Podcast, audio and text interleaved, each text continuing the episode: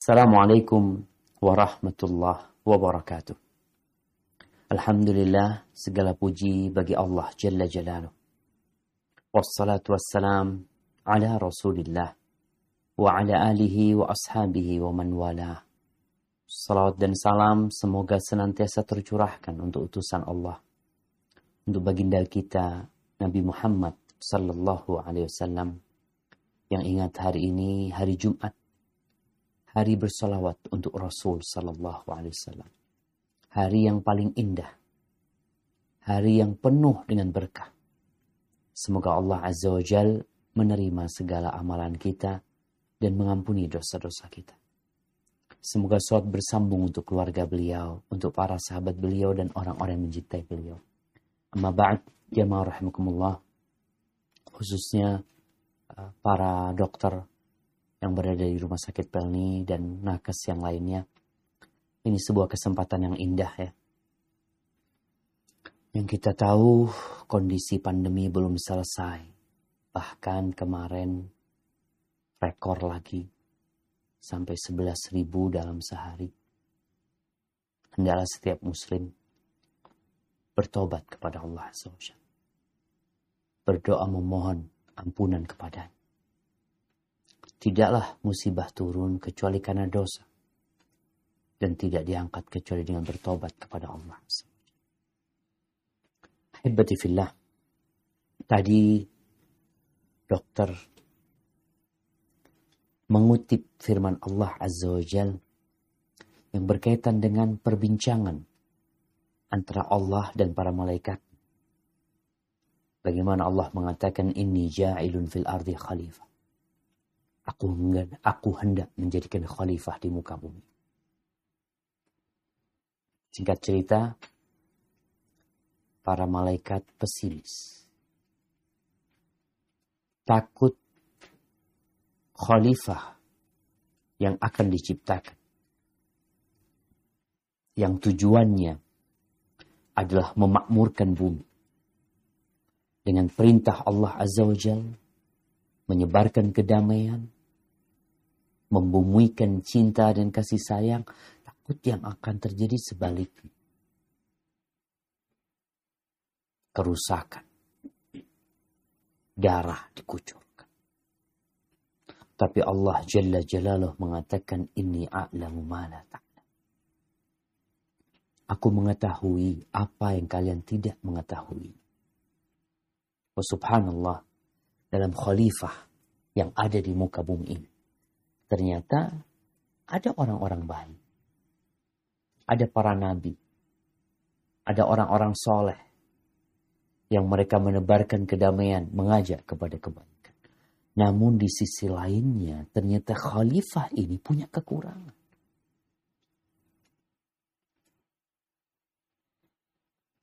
Apa kekurangannya? Banyak.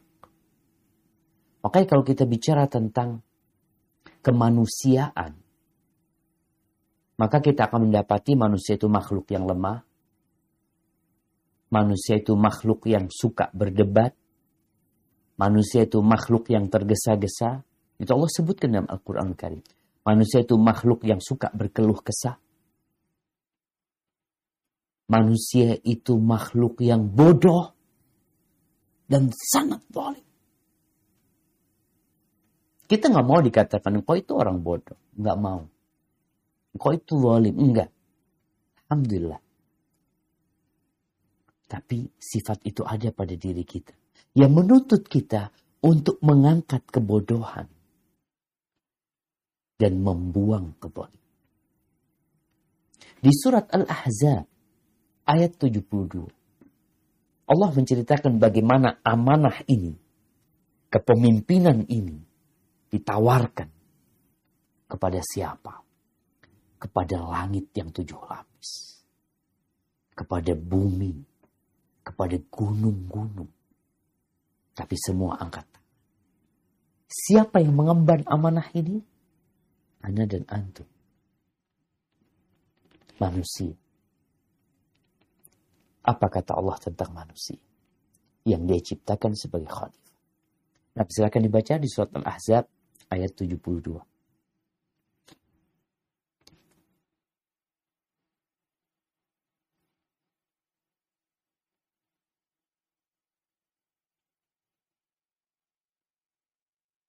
Rajim. Inna aradnal amanata ala samawati wal arb wal jibali فأبين أن wa وأشفقن منها wa hamalahal insanu innahu kana zaluman jahula Sesungguhnya kami telah menawarkan amanat kepada langit, bumi, dan gunung-gunung. Tetapi semuanya enggan untuk memikul amanat itu. Dan mereka khawatir tidak akan melaksanakannya atau berat. Lalu dipikullah amanat itu oleh manusia. Sungguh manusia itu sangat zalim dan sangat bodoh. Subhanallah. Subhanallah. Allah mengatakan sungguh manusia itu sangat dolim dan sangat bodoh. Bukan Anda yang mengatakan itu. Allah yang tahu dengan kondisi manusia. Oleh karena itu Allah mengutus rasul-rasulnya. Menurunkan kitab-kitabnya. Untuk mengangkat kebodohan. Dan mengusir kezaliman. Ahibati fillah. Setiap dari kita adalah pemimpin. Namun kepemimpinan kita berbeda-beda. Amanah yang kita pikul beda-beda. Tapi ada satu amanah yang sama. Yaitu mengabdi kepada Allah Azza wa Jalla. Memakmurkan bumi ini dengan ketaatan. Melaksanakan perintahnya dan menjauhi larangannya. Itu sama semuanya. Akan tetapi semakin tinggi kedudukan seseorang, semakin besar tanggung jawab. Contoh, posisi orang di dalam rumah. Kalau Anda dalam rumah, Anda hanya akan melihat tembok yang mengelilingi rumah. Kalau Anda keluar ke jalan, Anda akan melihat banyak rumah-rumah. Ketika Anda naik ke gunung, Anda akan dapat melihat kota. Satu kota Anda melihat. Ketika Anda berada di atas pesawat dengan ketinggian 40 ribu. 40 ribu kaki. Anda akan melihat. Bukan hanya kotaan. Kota lain pun. Kira-kira seperti itulah gambaran amanah yang Allah berikan. Semakin tinggi jabatanmu, engkau semakin banyak yang dilihat.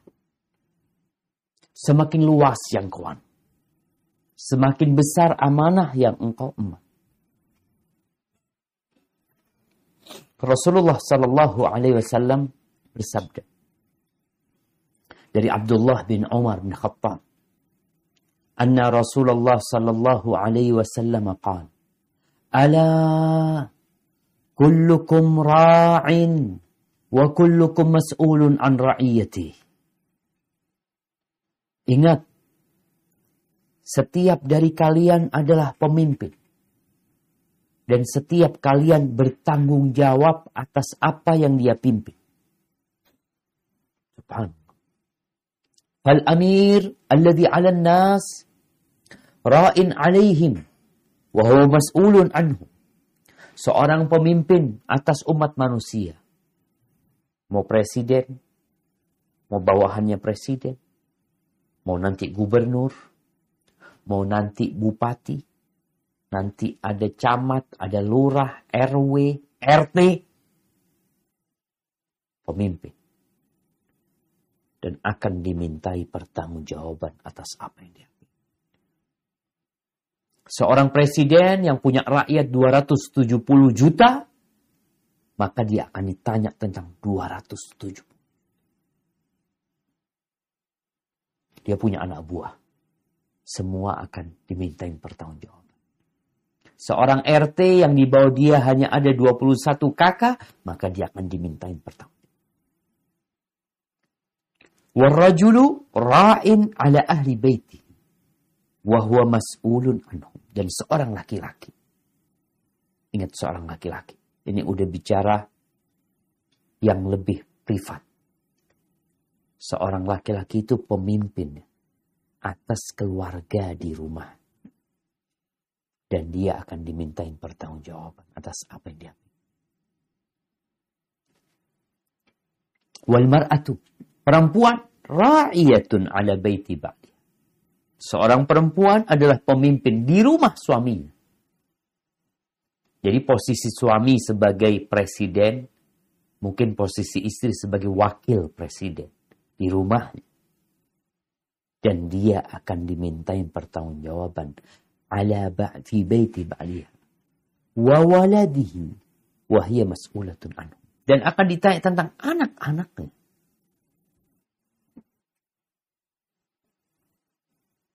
Ini sebuah kepemimpinan yang berat. Hanya banyak perempuan yang lupa dengan tugas ini.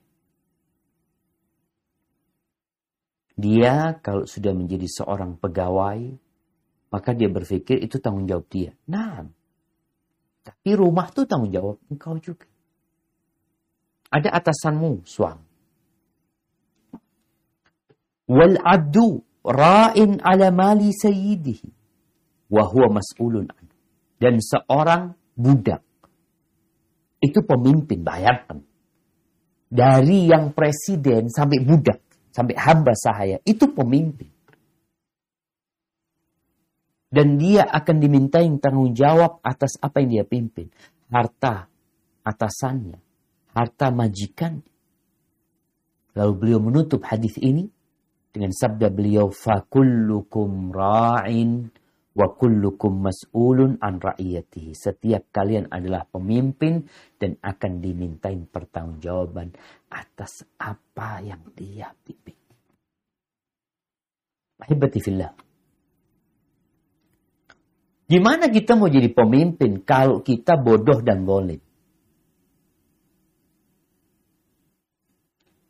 Kalau pemimpinnya itu bodoh dan dolim, yang akan terjadi kehancuran di dunia, neraka di akhir. Oleh karena itu Allah Jalla Jalaluh menyebutkan tentang dua kriteria yang harus ada di diri pemimpin. Kalau bicara menjadi seorang ayah, engkau pernah sekolah nggak jadi seorang ayah? Pernah belajar? Menjadi seorang suami? Engkau sekolah nggak? Kadang-kala enggak. Dia punya ilmu, mamanya seorang dokter. Ilmunya Masya Allah dalam bidang kedokteran, dalam menangani pasien. Tapi kadang-kala dia nggak bisa nanganin istri. Dia mampu menangani 100 pasien. Tapi satu istri nggak berhasil. Ada apa? Dia nggak sekolah bagaimana menjadi pemimpin atas istrinya. Tapi dia bersekolah, belajar bagaimana menangani pasien. Ini terjadi. Makanya ada dua sifat yang harus ada di diri seorang pemimpin. Mudah-mudahan hari ini kita bisa melihat, mengkoreksi diri kita. Dua sifat itu ada nggak ya sama anak ya? Yang pertama, kuat. Yang kedua, amanah. Dua hal ini. Kuat. Sesuai dengan apa yang dia pimpin. Kalau dia seorang panglima perang, bukan hanya fisiknya yang kuat. Tapi dia harus ahli strategi. Dia harus pintar. Bagaimana mengarahkan anak buah. Kalau dia seorang kepala desa, maka dia juga harus punya ilmunya tuh. Kekuatannya sesuai dengan jabatan yang dia pegang. Yang kedua, amanah. Dua hal ini harus bersandingan di diri pemimpin.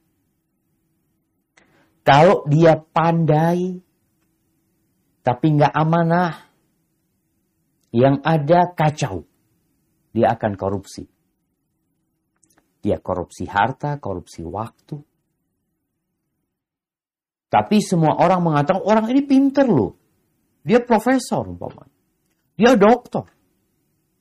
Dia sudah punya pengalaman banyak. Akhir pengalaman dia di penjara. Bayangin. Dari pinternya dia, akhir pengalamannya, dia juga pernah di penjara. Subhanallah. Berarti dia hanya pandai tapi nggak aman. Ada yang amanah, Masya Allah orangnya baik. Sholat malam, puasa sunnah, pokoknya amanah. Sayang dia bodoh. Nggak jalan yang dia pilih. Dan dua hal ini jarang berkumpul dalam satu orang. Makanya memilih pemimpin itu, kita kita nggak bicara milih pemimpin ya kita lah yang setiap kita adalah pemimpin. Kita harus sering-sering bercermin. Ama anak ini nggak punya dua-duanya. Anak punya kekuatan dalam ilmu medis, tapi nggak punya kekuatan dalam mengatur rumah tangga. Dalam memanage konflik yang terjadi di dalam rumahnya. Kadangkala ada bos sukses bos ini. Perusahaan yang dia pimpin Masya Allah. Tapi rumah yang dia pimpin kacau. Kenapa? Karena dia nggak punya ilmu, nggak punya kekuatan di sana. Sedangkan Nabi Alaihissalam mengatakan kita semua pemimpin loh. Sehingga kita perlu belajar.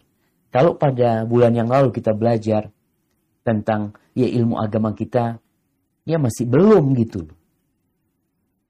Jadi antara ilmu yang wajib dipelajari yang berkaitan dengan kewajiban kita. Coba dibuka firman Allah di surat Al-Qasas ayat 26.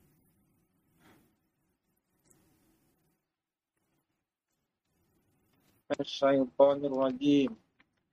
Qalat ihda ha qalat huma ya abati astajir inna khayra man jartal qawiyul amin dan salah seorang dari kedua perempuan itu berkata wahai ayahku jadikanlah dia sebagai pekerja pada kita sesungguhnya orang paling baik yang engkau ambil sebagai pekerja pada kita ialah orang yang kuat dan dapat dipercaya. Barakallahu fikum.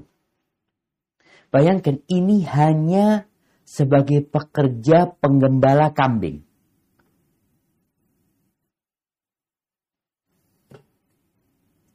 Ini perempuan yang bilang, bukan laki-laki. Allah menceritakan tentang salah seorang putrinya Shu'aib. Ketika Nabi Musa membantu mereka untuk memberikan minum kepada kambing-kambing dan domba-domba mereka, akhirnya perempuan ini mengatakan, jadikan dia sebagai pekerja kita. Kenapa inna khairu man istajarta al-qawi al-amin? Sebaik-baiknya yang orang engkau pekerjakan itu adalah yang kuat dan amanah. Gimana kalau ini jadi kepala desa, ini jadi kepalanya kambing? penggembala yang ngurus urusan kambing. Bagaimana kalau dia naik bukan memimpin kambing tapi memimpin manusia sebagai seorang suami, memimpin wanita, sebagai seorang bapak yang punya anak-anak. Semakin tinggi jabatan dia, semakin berpengaruh kekuatan dan amanah. Nabi Yusuf alaihissalam. Kita tahu ceritanya. Bagaimana cerita beliau berakhir di penjara. Tatkala beliau dikeluarkan dari penjara. Dipanggil oleh Raja Mesir waktu itu. Apa yang beliau katakan? Beliau minta ditaruh di sebuah jabatan. Yang penting dalam negara. Apa jabatan itu? Dan kenapa beliau menawarkan diri untuk menjabat hal itu. Allah ceritakan hal ini di surat Yusuf ayat 55. Coba dibaca. Surat Yusuf ayat 55.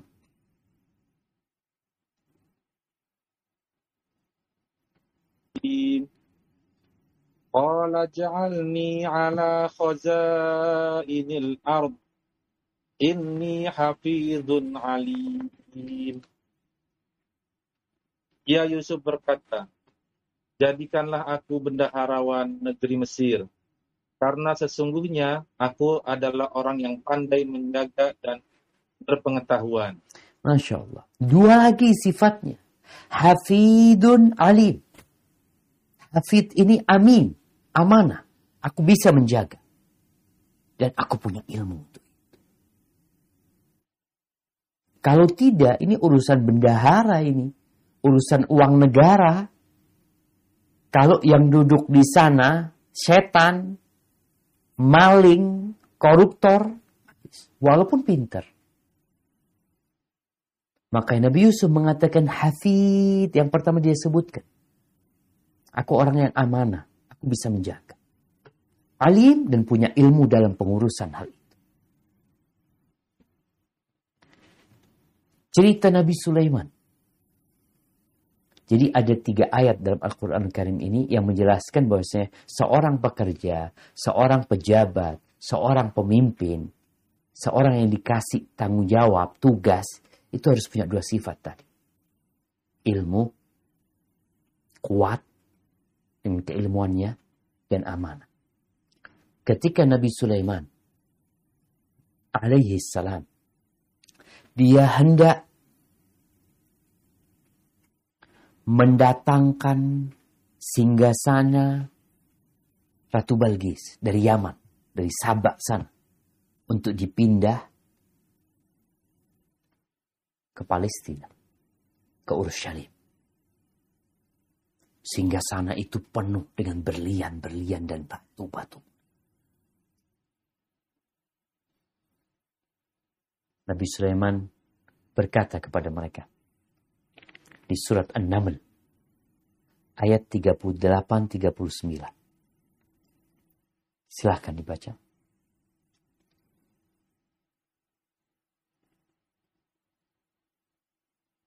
Surat An-Naml ayat 38-39. Qala ya ayyuhal mala'u ayyukum ya يأتيني بعرشها قبل أن يأتوني مسلمين قال عفريت من الجن أنا آتيك به قبل أن تقوم من مقامك وإني عليه لقوي أمين Ya Sulaiman berkata, Wahai para pembesar, siapakah di antara kamu yang sanggup membawa singgasananya kepadaku?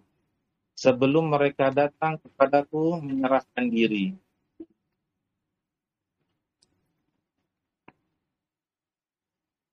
Ifrit dalam golongan jin berkata, Akulah yang akan membawanya kepadamu sebelum engkau berdiri dari tempat dudukmu dan sungguh aku kuat melakukannya dan dapat dipercaya. Masya Allah. Ya, Ifrit dari bangsa jin mengatakan itu. Dia yang akan mendatangkan. Dalam waktu yang cepat.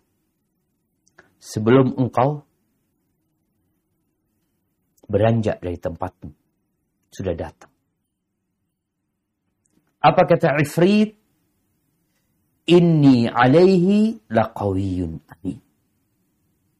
Aku orang yang kuat, aku mampu membawanya. Dan aku amanah. Tapi Nabi Sulaiman tidak mau dengan dia. Karena tahu bagaimana Ifrit. Ahibati fillah. Yang namanya kekuatan ilmu itu didapat dengan belajar. Belajar itu seperti yang sudah kita bahas. Tidak harus di bangku sekolah. Nggak harus di bangku kuliah. Kalau mungkin bicara ilmu kedokteran, oke okay lah. Karena kalau kita nggak belajar, kita nggak dapat ijazah, maka ilmu kita nggak akan bisa kita gunakan di lembaga. Ketika bicara ilmu agama, engkau perlu ilmu tersebut. Di mana? Di rumahmu. Sebagai seorang suami. Sebagai seorang istri. Sebagai seorang anak sebagai seorang ayah, sebagai seorang ibu. Diperlukan dalam kehidupan rumah tangga. Kekuatan itu harus dengan belajar. Adapun amanah,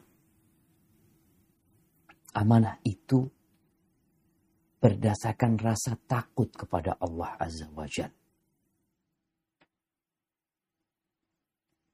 Kalau orang nggak kenal sama Allah, gimana mau takut? Takutnya sama atasan. Takutnya sama CCTV. Takutnya sama auditor keuangan. Tapi seorang yang takut sama Allah Azza wa Jal, dia nggak perlu CCTV. Dalam menjalankan amal. Karena dia tahu, anak bakal ditanya. Ada malaikat yang senantiasa mencatat dan tidak pernah berpisah dengan aku. Ini dengan keimanan. Jadi kalau ilmu itu dipelajarin, yang amanah ini dengan iman yang dihadirkan dalam diri kita. Hibbatifillah.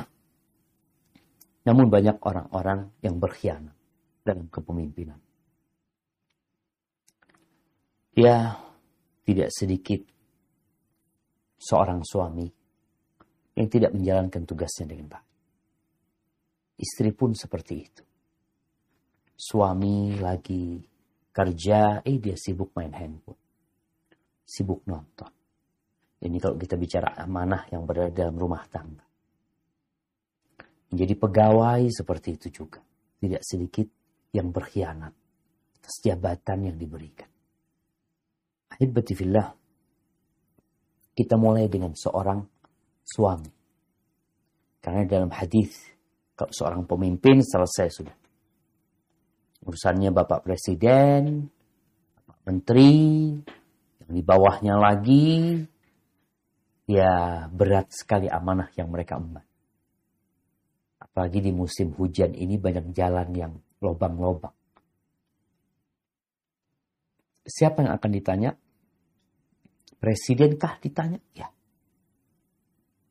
Umar bin Khattab radhiyallahu anhu mengatakan ketika beliau menjadi khalifah, aku takut kalau ada seekor bagel bigal campuran keledai sama kuda yang terprosok di sungai Dijlah di jalan sana. Aku takut ditanya sama Allah, kenapa jalannya engkau tidak baguskan?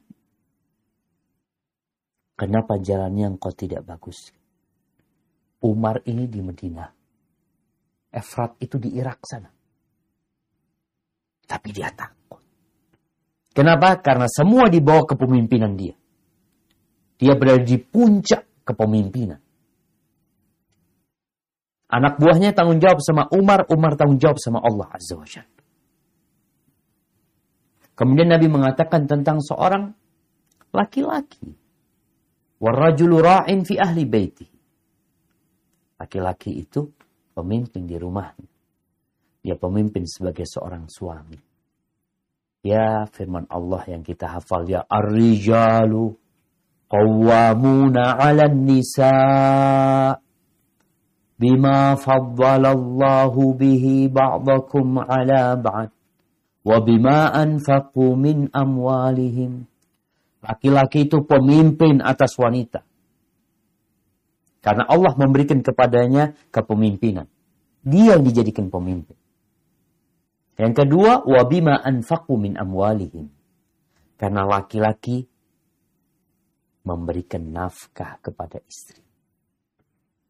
Makanya kalau ada seorang suami yang tidak memberikan nafkah kepada istrinya, biasanya kepemimpinannya pincang kecuali suami yang sudah berusaha dengan baik dan istri yang soleha. Jadi suami bakal ditanya tentang istri. Engkau ajarkan apa kepada istri? Ketika seorang suami mengambil itu perempuan dari orang tuanya, subhanallah, ada peralihan tanggung jawab. Sehingga ingat bagi para wanita yang menjadi istri, Ketika engkau sudah menikah, pemimpin bagimu itu bukan bapak, bukan ibumu lagi. Siapa suami?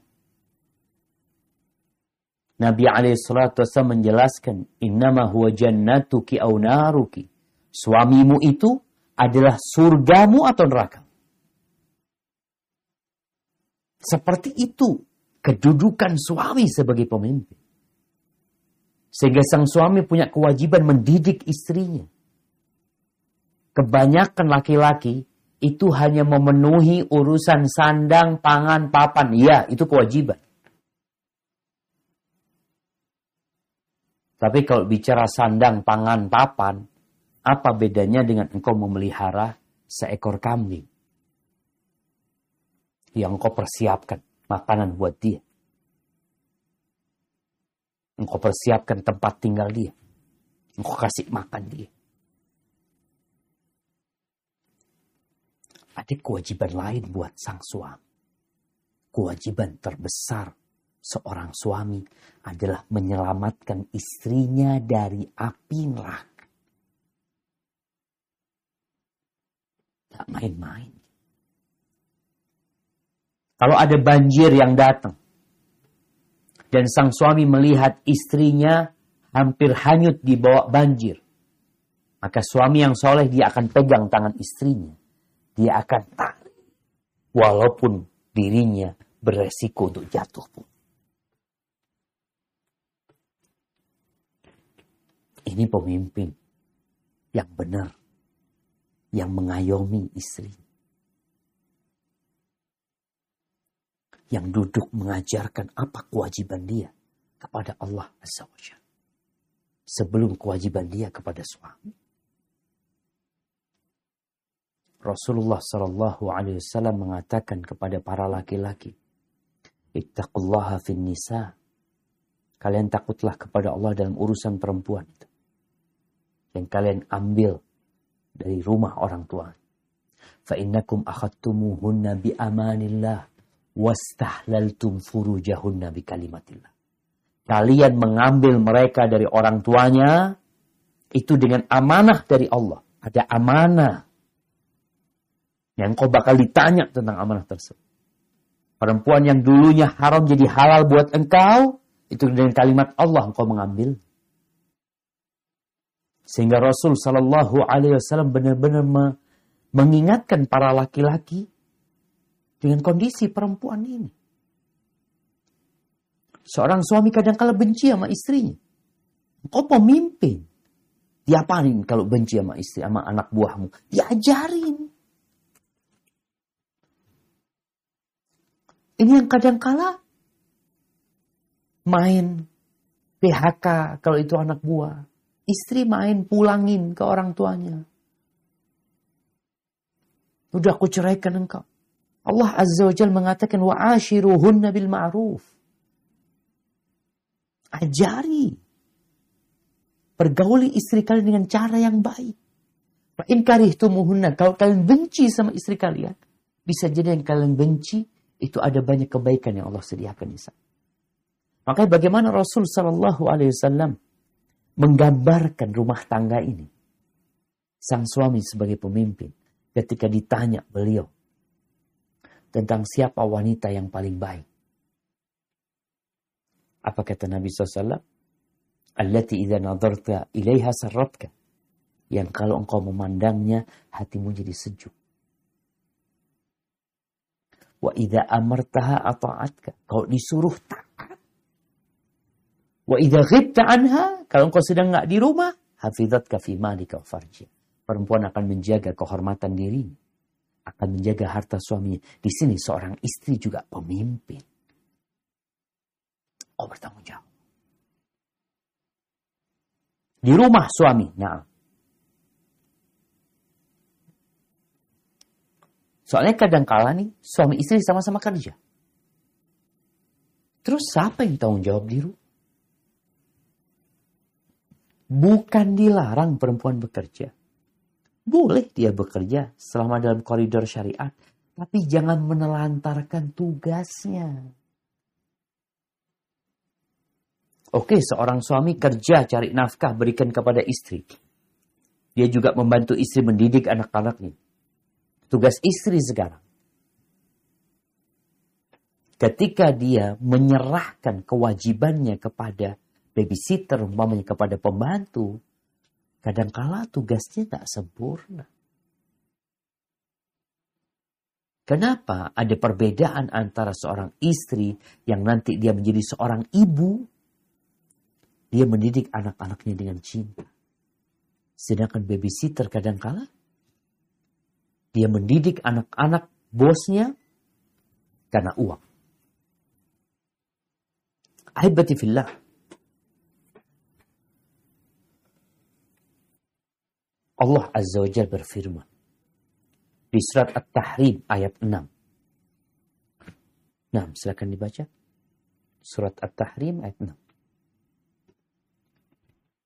أعوذ بالله من الشيطان الرجيم يا أيها الذين آمنوا قوا أنفسكم وأهليكم نارا وقودها الناس والحجارة عليها ملائكة غلاظ شداد لا يعصون الله لا يعصون الله ما أمرهم ويفعلون ما يؤمرون Wahai orang-orang yang beriman, pelihara, peliharalah dirimu dan keluargamu dari api neraka, yang bahan bakarnya adalah manusia dan batu. Penjaganya malaikat-malaikat yang kasar dan keras, yang tidak durhaka kepada apa yang Allah perintahkan kepada mereka dan selalu mengerjakan apa yang diperintahkan. Barakallahu fikum. Nah, ini ayat berada di surat Tahrim. Berkaitan tentang bagaimana para suami. Cerita bagaimana Nabi Muhammad alaihissalam di dalam rumahnya. Bagaimana beliau mengarahkan istri-istrinya alaihi salatu wassalam Lalu Allah mengatakan, wahai orang-orang beriman. Ini panggilan umum untuk setiap yang beriman. Hu anfusakum wa ahlikum nara.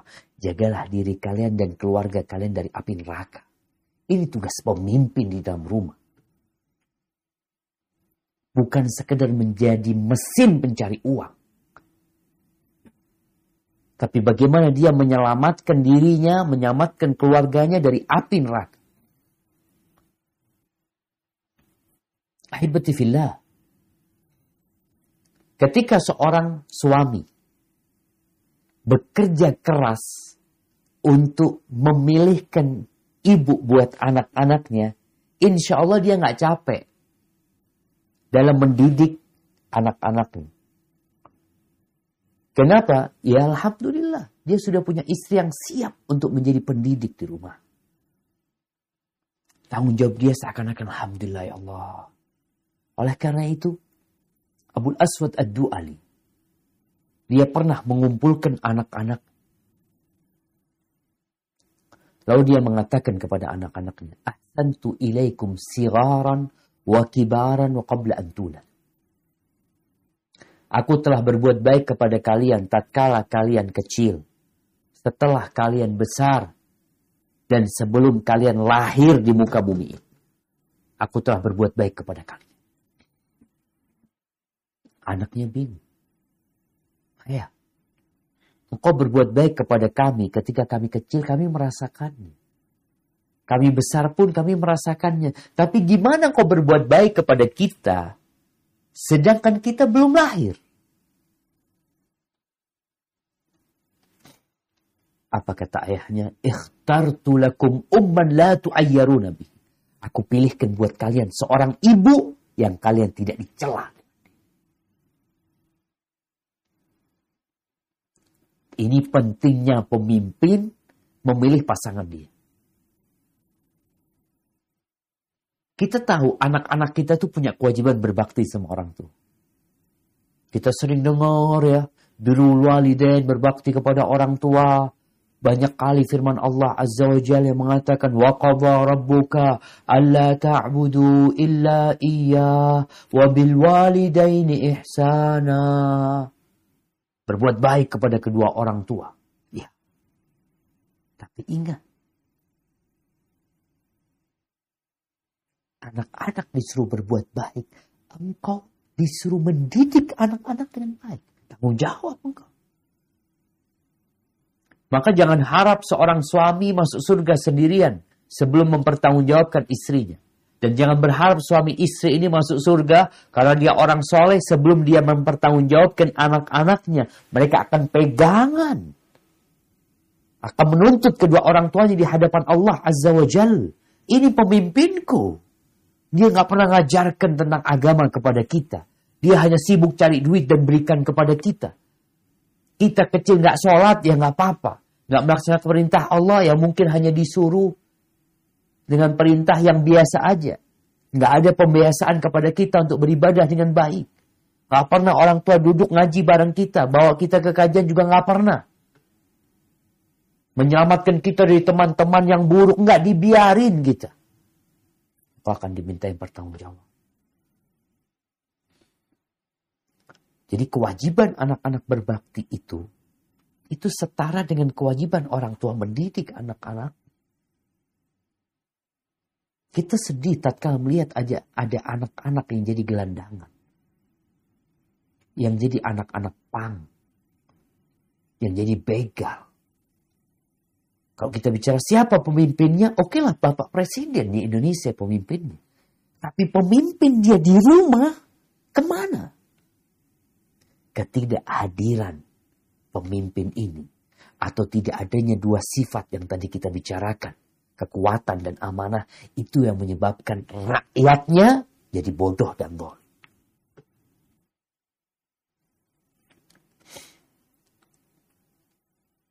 Maka bagi para orang tua, hendaklah sekarang introspeksi diri. Apakah dia sudah menjalankan tugasnya dengan baik sebagai seorang ayah? Yang ibu apakah dia sudah menjelaskan tugasnya dengan baik menjadi seorang Atau ternyata ibunya selegram. Ibunya sibuk dengan dunianya.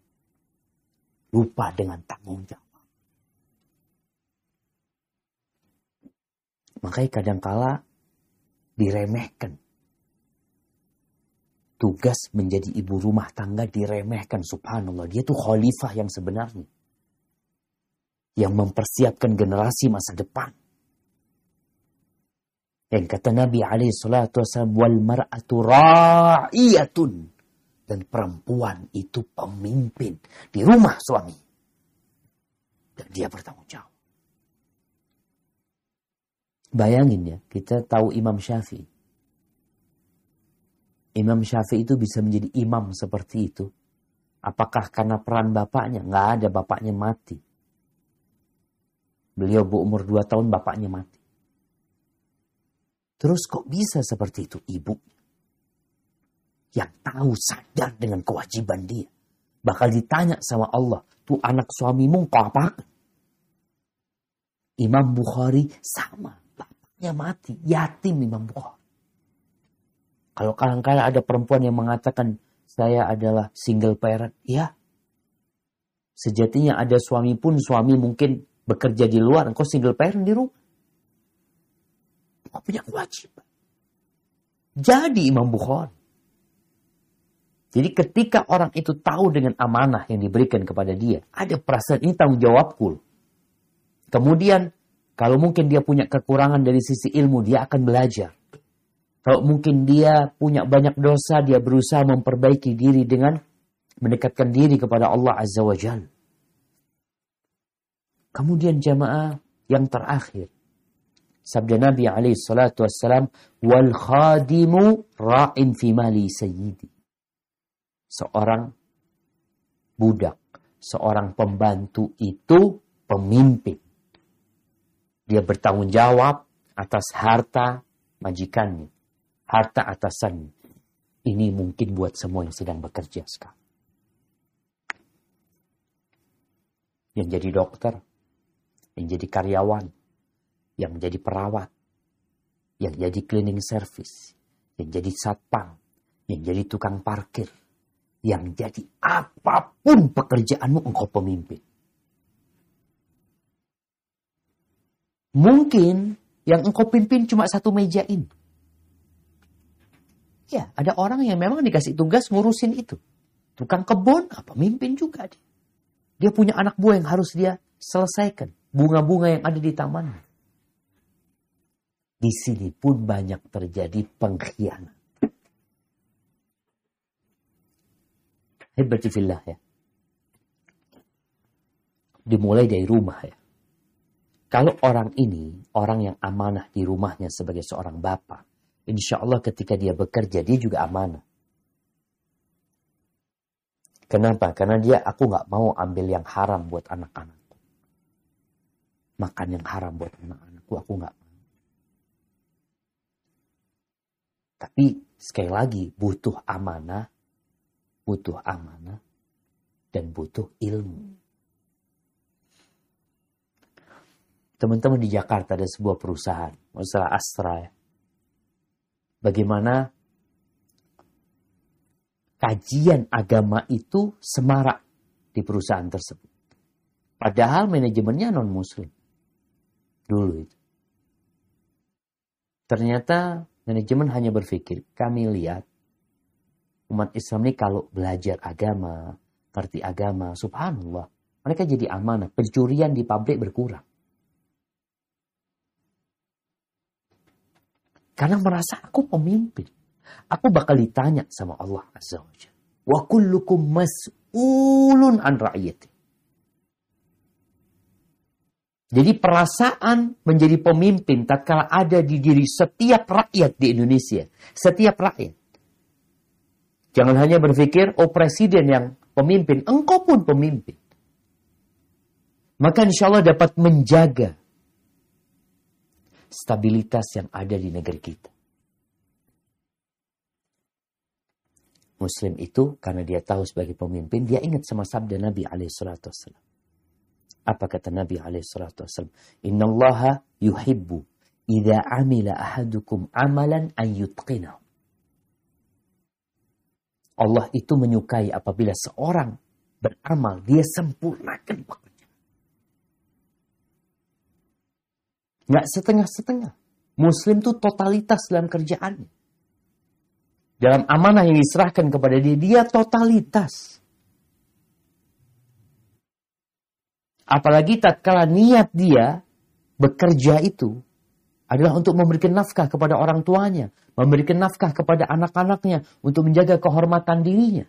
Dan dia tahu dia diawasi oleh Allah Azza wa Jal. Dan amalan dunia ini akan berpahala buat dia. Jadi setiap dari kita adalah pemimpin. Hanya saja bagaimana sekarang kita menjalankan tugas kita sebagai pemimpin, sebagai khalifah tadi di muka bumi ini, bisa benar.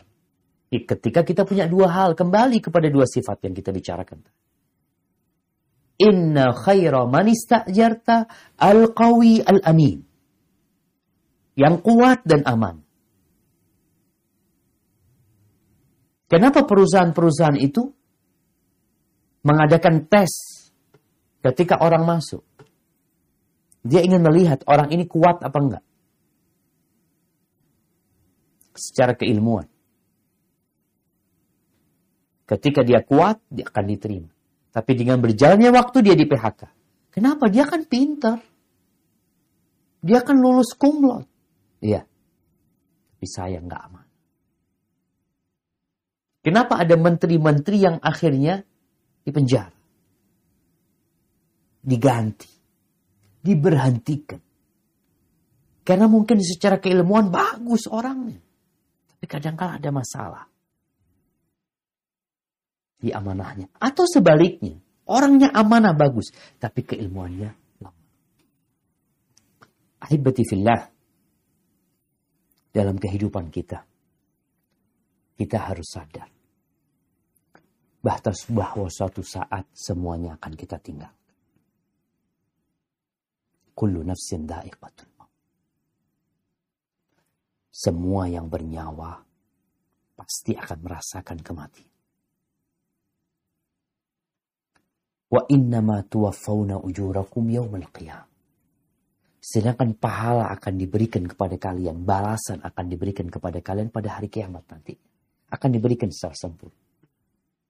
Mungkin ada seorang istri yang di rumah merasa dia Ya usah anak capek Ustaz ngurusin anak-anak. Suami juga seperti itu. Ada urusan-urusan dia yang mungkin sekarang dia tidak merasakan balasan buat dia.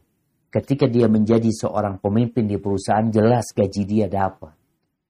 Dia dapat uang. Tapi ketika dia memimpin di rumahnya, ya mungkin yang dia dapat capek. Atau seorang yang bekerja, seorang pembantu, seorang pegawai. Mungkin kalau dia berkata, aku amanah nggak amanah Ustaz, ya gajinya tetap. Aku sungguh-sungguh bekerja, kawanku nggak sungguh-sungguh, gaji kita sama Pak Ustaz. Tapi di hadapan Allah nggak sama. Engkau akan mendapatkan balasan nanti. Yaumul qiyamah. Wa man zuhziha anin. Wa udkhil jannah faqad faz. Barang siapa yang dijauhkan dari api neraka dan dimasukkan ke dalam surga, itulah orang yang sukses yang sebenarnya. Jadi dalam kepemimpinan kita ini sekarang, kita tahu sukses apa enggak nanti. Kadang-kadang ada kawan yang amanah, yang kerjanya bagus, tapi dia dikhianati sama kawan-kawannya. Ada yang hasut, akhirnya dia di PHK. Jabatan langsung turun, dia mungkin kerja ya yang tidak bagus seperti dulu lagi. Tapi nggak ada masalah. Semua ada perhitungannya. Maka insya Allah kita semua berusaha untuk menjaga amanah yang Allah berikan kepada kita. Buat para suami, tolong. Engkau adalah pemimpin. Buat para istri, engkau juga pemimpin. Buat para orang tua. Jangan hanya menjadi mesin pencari uang. Engkau punya anak buah yang kelak engkau akan mempertanggungjawabkan di hadapan Allah Azza wa Ajarkan kepada mereka. Menrobbu, siapa robmu, man nabiyu, siapa nabimu, wa madinu, dan apa Sebelum kita berpikir bagaimana menjadikan anak-anak pintar matematika, pintar bahasa Indonesia, jadi dokter, jadi apa saja. Tiga pertanyaan ini harus mereka kuasai. Dari siapa? Dari engkau sebagai pemimpin dalam rumah. Hada wallahu alam bisawab. Itu yang bisa Anda sampaikan pada kesempatan kali ini. Mungkin kita masuk ke sesi tanya jawab. Anda kembalikan ke pembawa acara. Jazakumullah.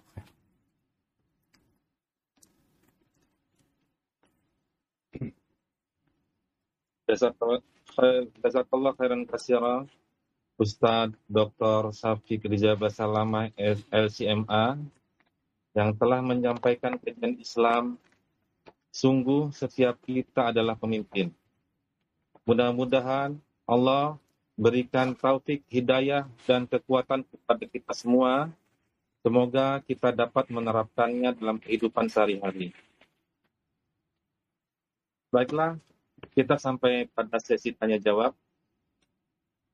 Kajian ini telah disampaikan begitu menarik dan pesertanya begitu antusias. Uh, tercatat sampai saat ini ada sekitar 140 uh, eh, peserta. Uh, baiklah, ini Ustadz ada pertanyaan.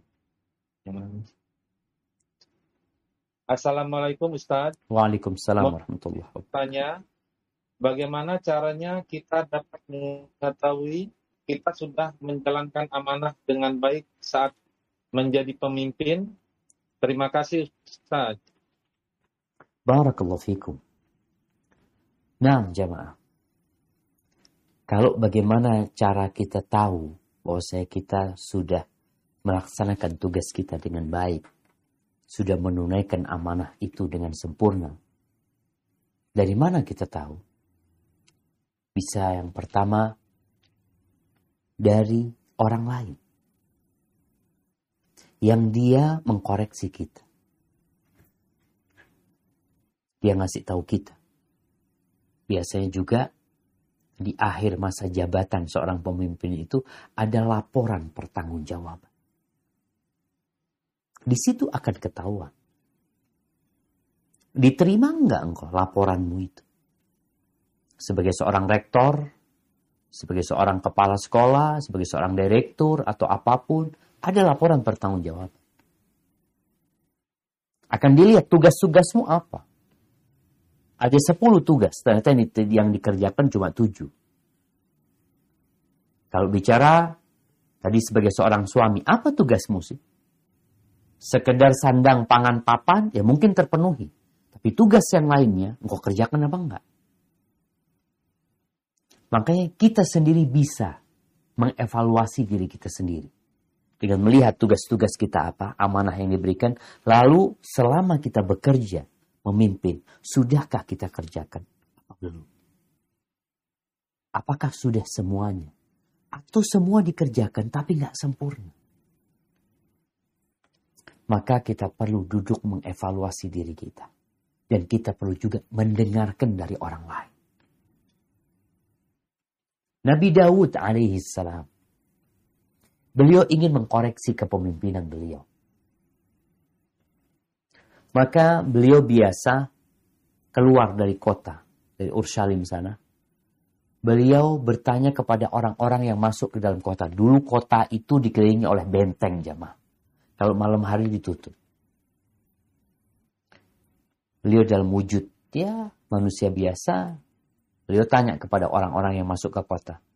Ditanya, menurut kalian bagaimana pemimpin kalian? Daud. Orang-orang nggak kenal kalau yang bertanya itu Nabi Daud sendiri alaihissalam. Maka kata mereka, oh baik ya bagus ya ini pujian semua yang diberikan. Bukan karena dia Nabi Daud, mereka nggak kenal, tapi memang karena Nabi Daud orangnya baik, pemimpin yang baik. Sampai suatu hari Allah mengirimkan malaikat. Malaikat dalam wujud manusia datang, ditanya. Bagaimana pendapatmu tentang raja kalian Daud alaihissalam? Kata dia, oh dia pemimpin yang bagus. Cuma sayang, kalau dia punya kerjaan sendiri bagus ya. Soalnya dia sekarang makan dari hasilnya negara. Itu Nabi Daud dengar ucapan itu langsung beliau berdoa.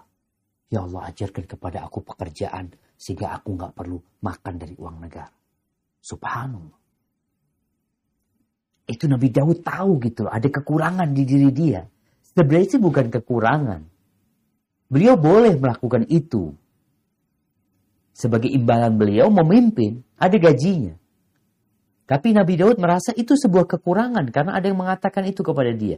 Akhirnya Nabi Daud bekerja bikin baju besi sebagai pandai besi. Allah berikan kemudahan buat beliau itu bagaimana besi itu bisa lunak di tangan Nabi Daud alaihissalam.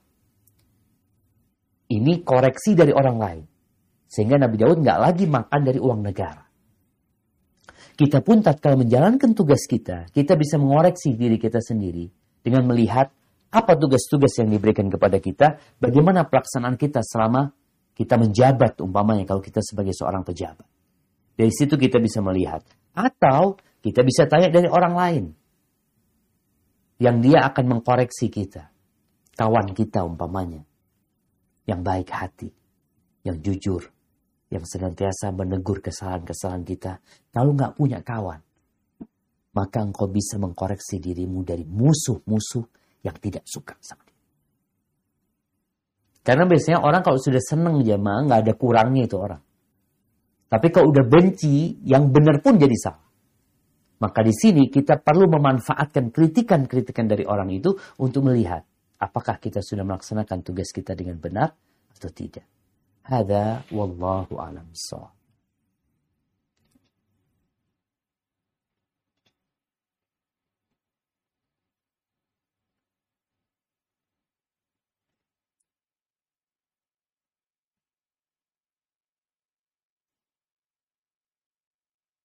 kemudian ada pertanyaan langsung nih Ustadz dari Dr. Rian, spesialis uh, ginekologi. Ada Dr. Rian dipersilakan. Assalamualaikum warahmatullahi wabarakatuh Ustaz. Waalaikumsalam warahmatullahi wabarakatuh. Ahlan wa sahlan. Kabar dok? Alhamdulillah baik Ustaz. Alhamdulillah Ustaz, Ana ada dua pertanyaan ini Ustaz. Siap terkait amanah memelihara keluarga dari api neraka, Ustaz. Siap.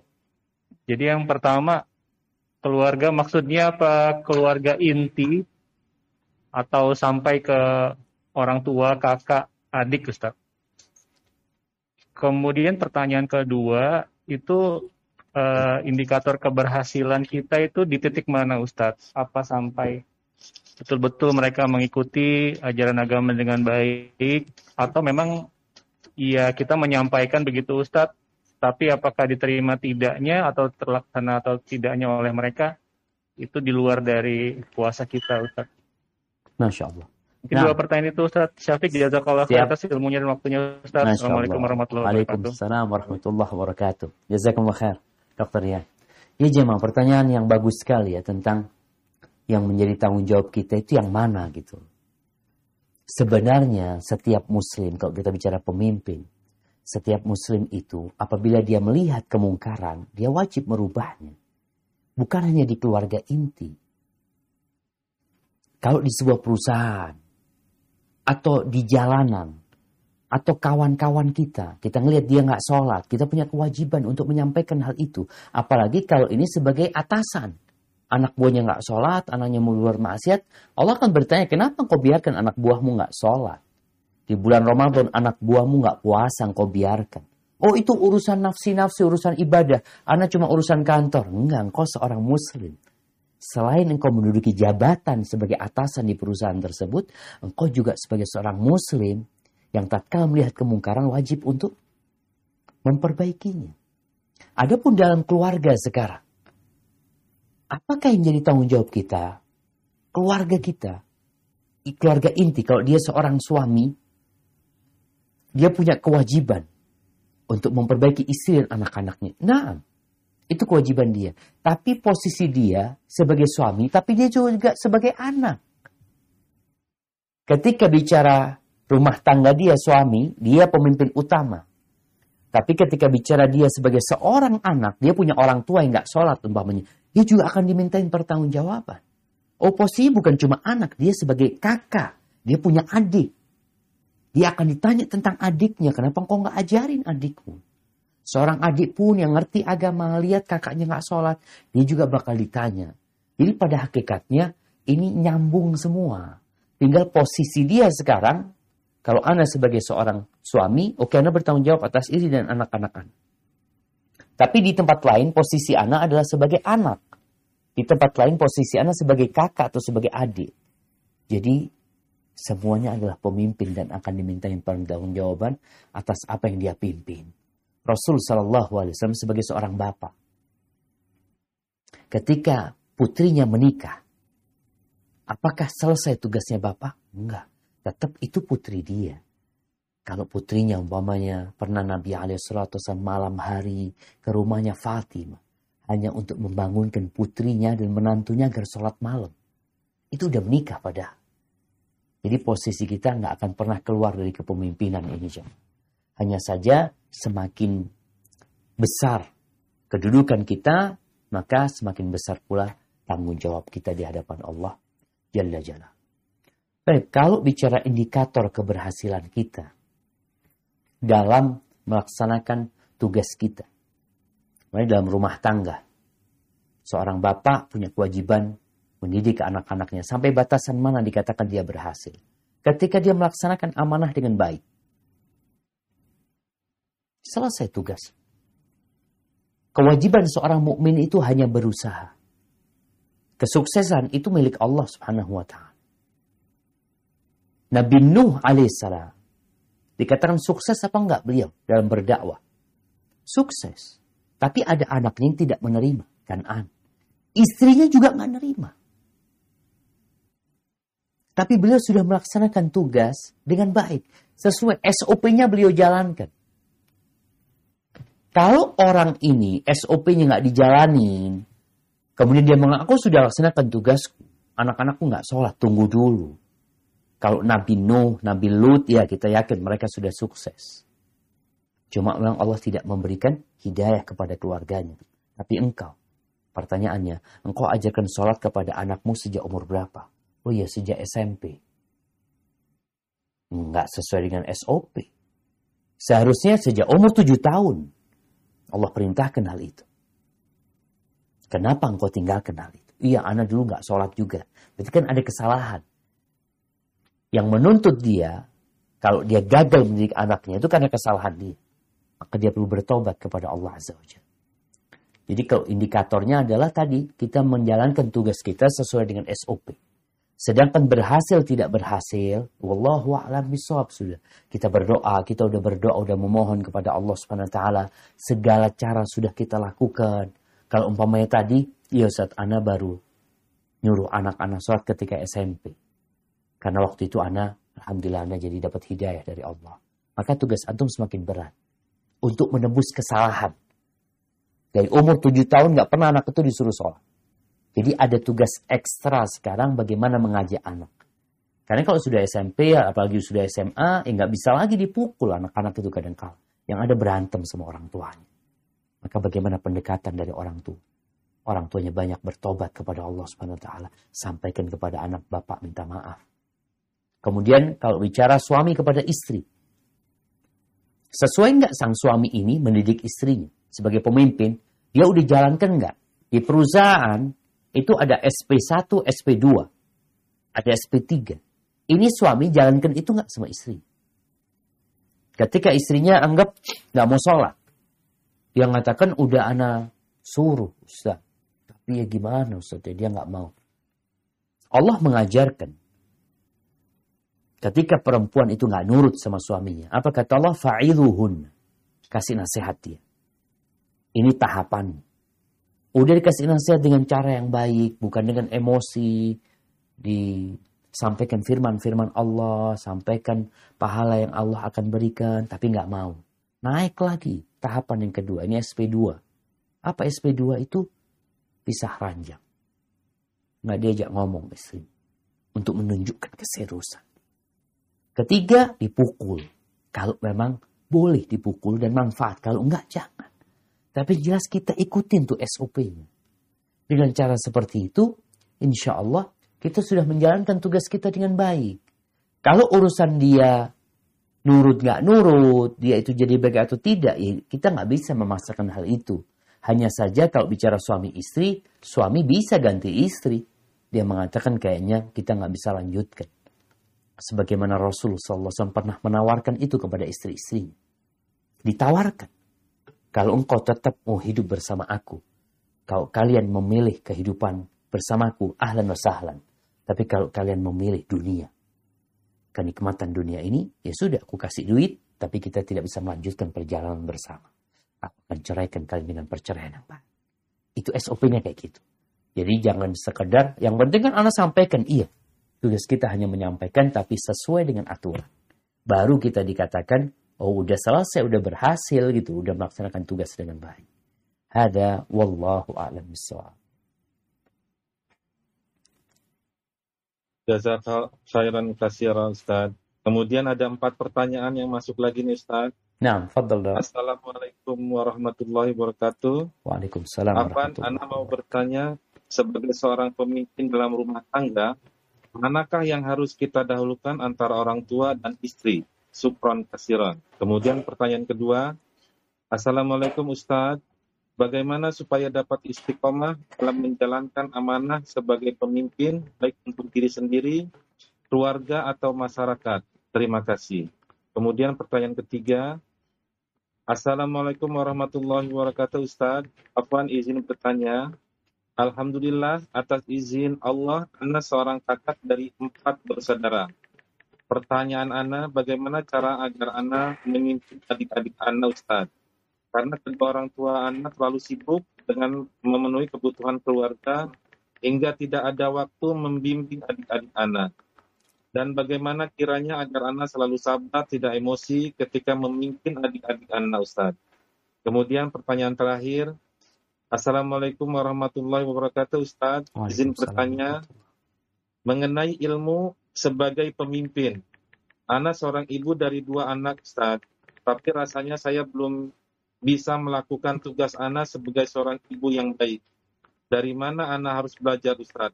Dan adakah referensi buku untuk menjadi ibu yang baik, Ustaz? Jazakallahu khairan, Ustaz. Barakallahu fiik. Wa fiik wa barak. Jamaah rahimakumullah. Nah, ada beberapa pertanyaan ini. Yang pertama berkaitan dengan seorang suami. Mana yang lebih dia utamakan? Istrinya, anak-anaknya, atau orang Tuhan?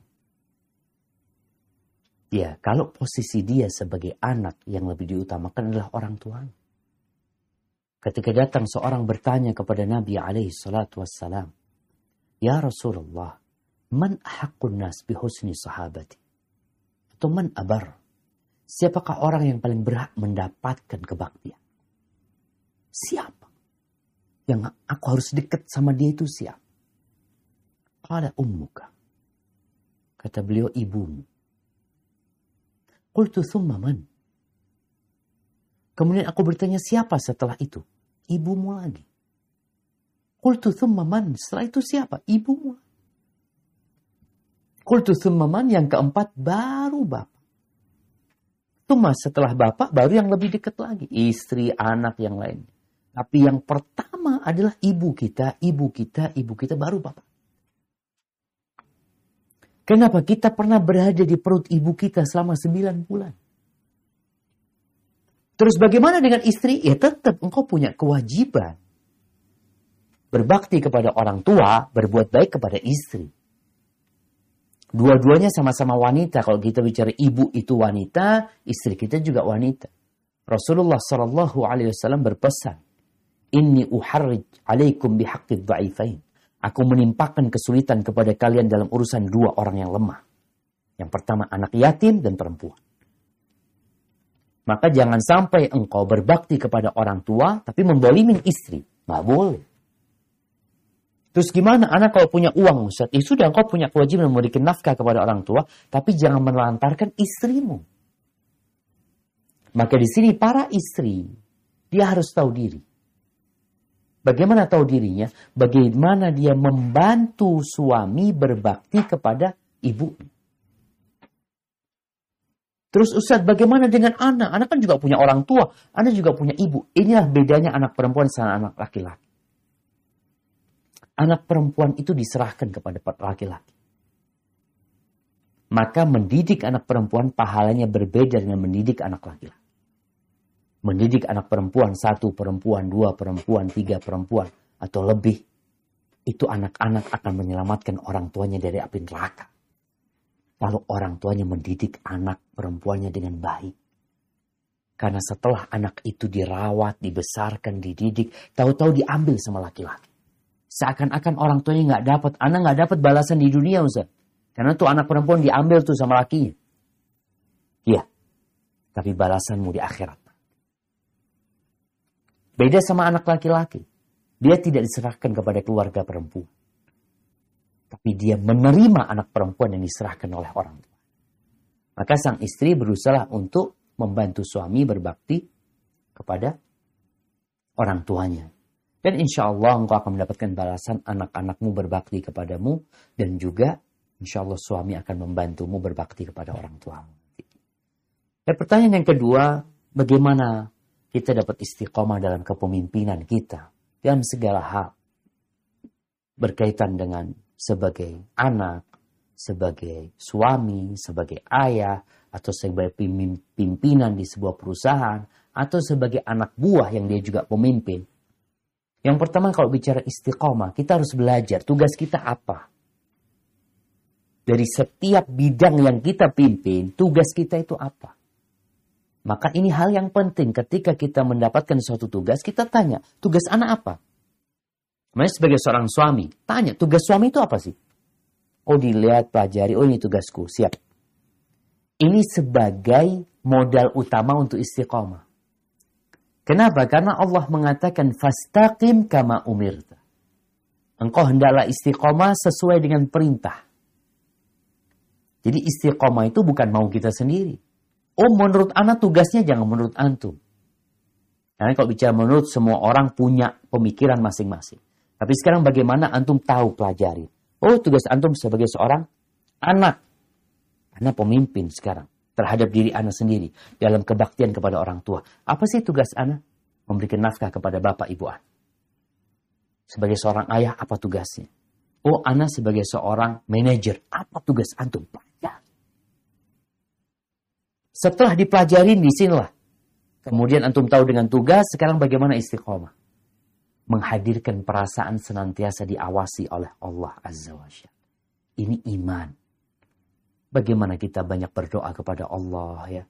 Minta Allahumma a'inni ala dzikrika wa syukrika wa husni ibadati. Agar kita bisa mengingat Allah, bersyukur kepada Allah, beribadah yang baik. Karena pekerjaan kita pun juga dalam rangka beribadah kepada Allah Subhanahu. Dan godaan-godaan itu banyak. Apalagi godaan yang berkaitan dengan fulus ya. Kadang-kala sebagai seorang pemimpin tuh ya Allah fulus tuh lewat depan dia yang bisa masuk kantong dia sebenarnya. Tapi karena dia merasa diawasi Allah, insya Allah dia bisa jaga diri. Ya, pertanyaan yang ketiga tadi sebagai seorang kakak yang punya adik empat. Dan kemudian orang tuanya nggak peduli. Yang dipedulikan sepertinya tadi hanya menjadi mesin pencari uang. Sedangkan pendidikan anak-anaknya nggak dipedulikan. Anaknya butuh ini dikasih. Anaknya minta ini dikasih. Seakan-akan orang tua ini tugas terbesar dia enggak. Itu bukan tugas yang berat sebenarnya. Kalau bicara cari makan kerja itu yang namanya kerbau juga kerja tuh, cari makan. Tapi ada perbedaan antara manusia dengan kerbau. Ada amanah yang diberikan kepada dia untuk memakmurkan bumi ini. Bukan untuk membajak sawah, bukan. Untuk memakmurkan bumi ini dengan ketaatan. Tapi apa tidak dikata sekarang orang tua seperti itu. Maka seorang anak yang pertama dia harus berusaha dekat sama orang tuanya. Bagaimana ketika orang tuanya pulang kerja ini itu, sang anak datang sambut orang tuanya, dipijetin, engkau sebagai kakak, bagaimana empat adikmu itu menghormatin orang tua, bapak dan ibu, dihargain. Nanti di sana sambil duduk, ayah minta nasihat lah kita ini ayah-ayah, ayah-ayah supaya kita bisa jadi anak yang benar ini itu. Agar orang tua merasakan anak itu butuh sentuhan kepada hati mereka.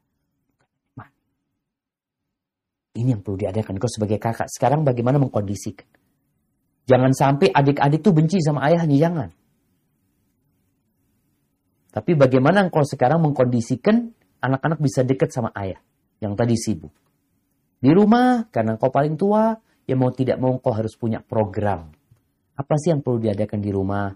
Mulai pagi hari baca zikir pagi, sore hari baca zikir petang. Ketika adik-adik mau tidur, engkau sebagai kakak, engkau perhatikan adik-adik, yuk baca doa sebelum tidur ya.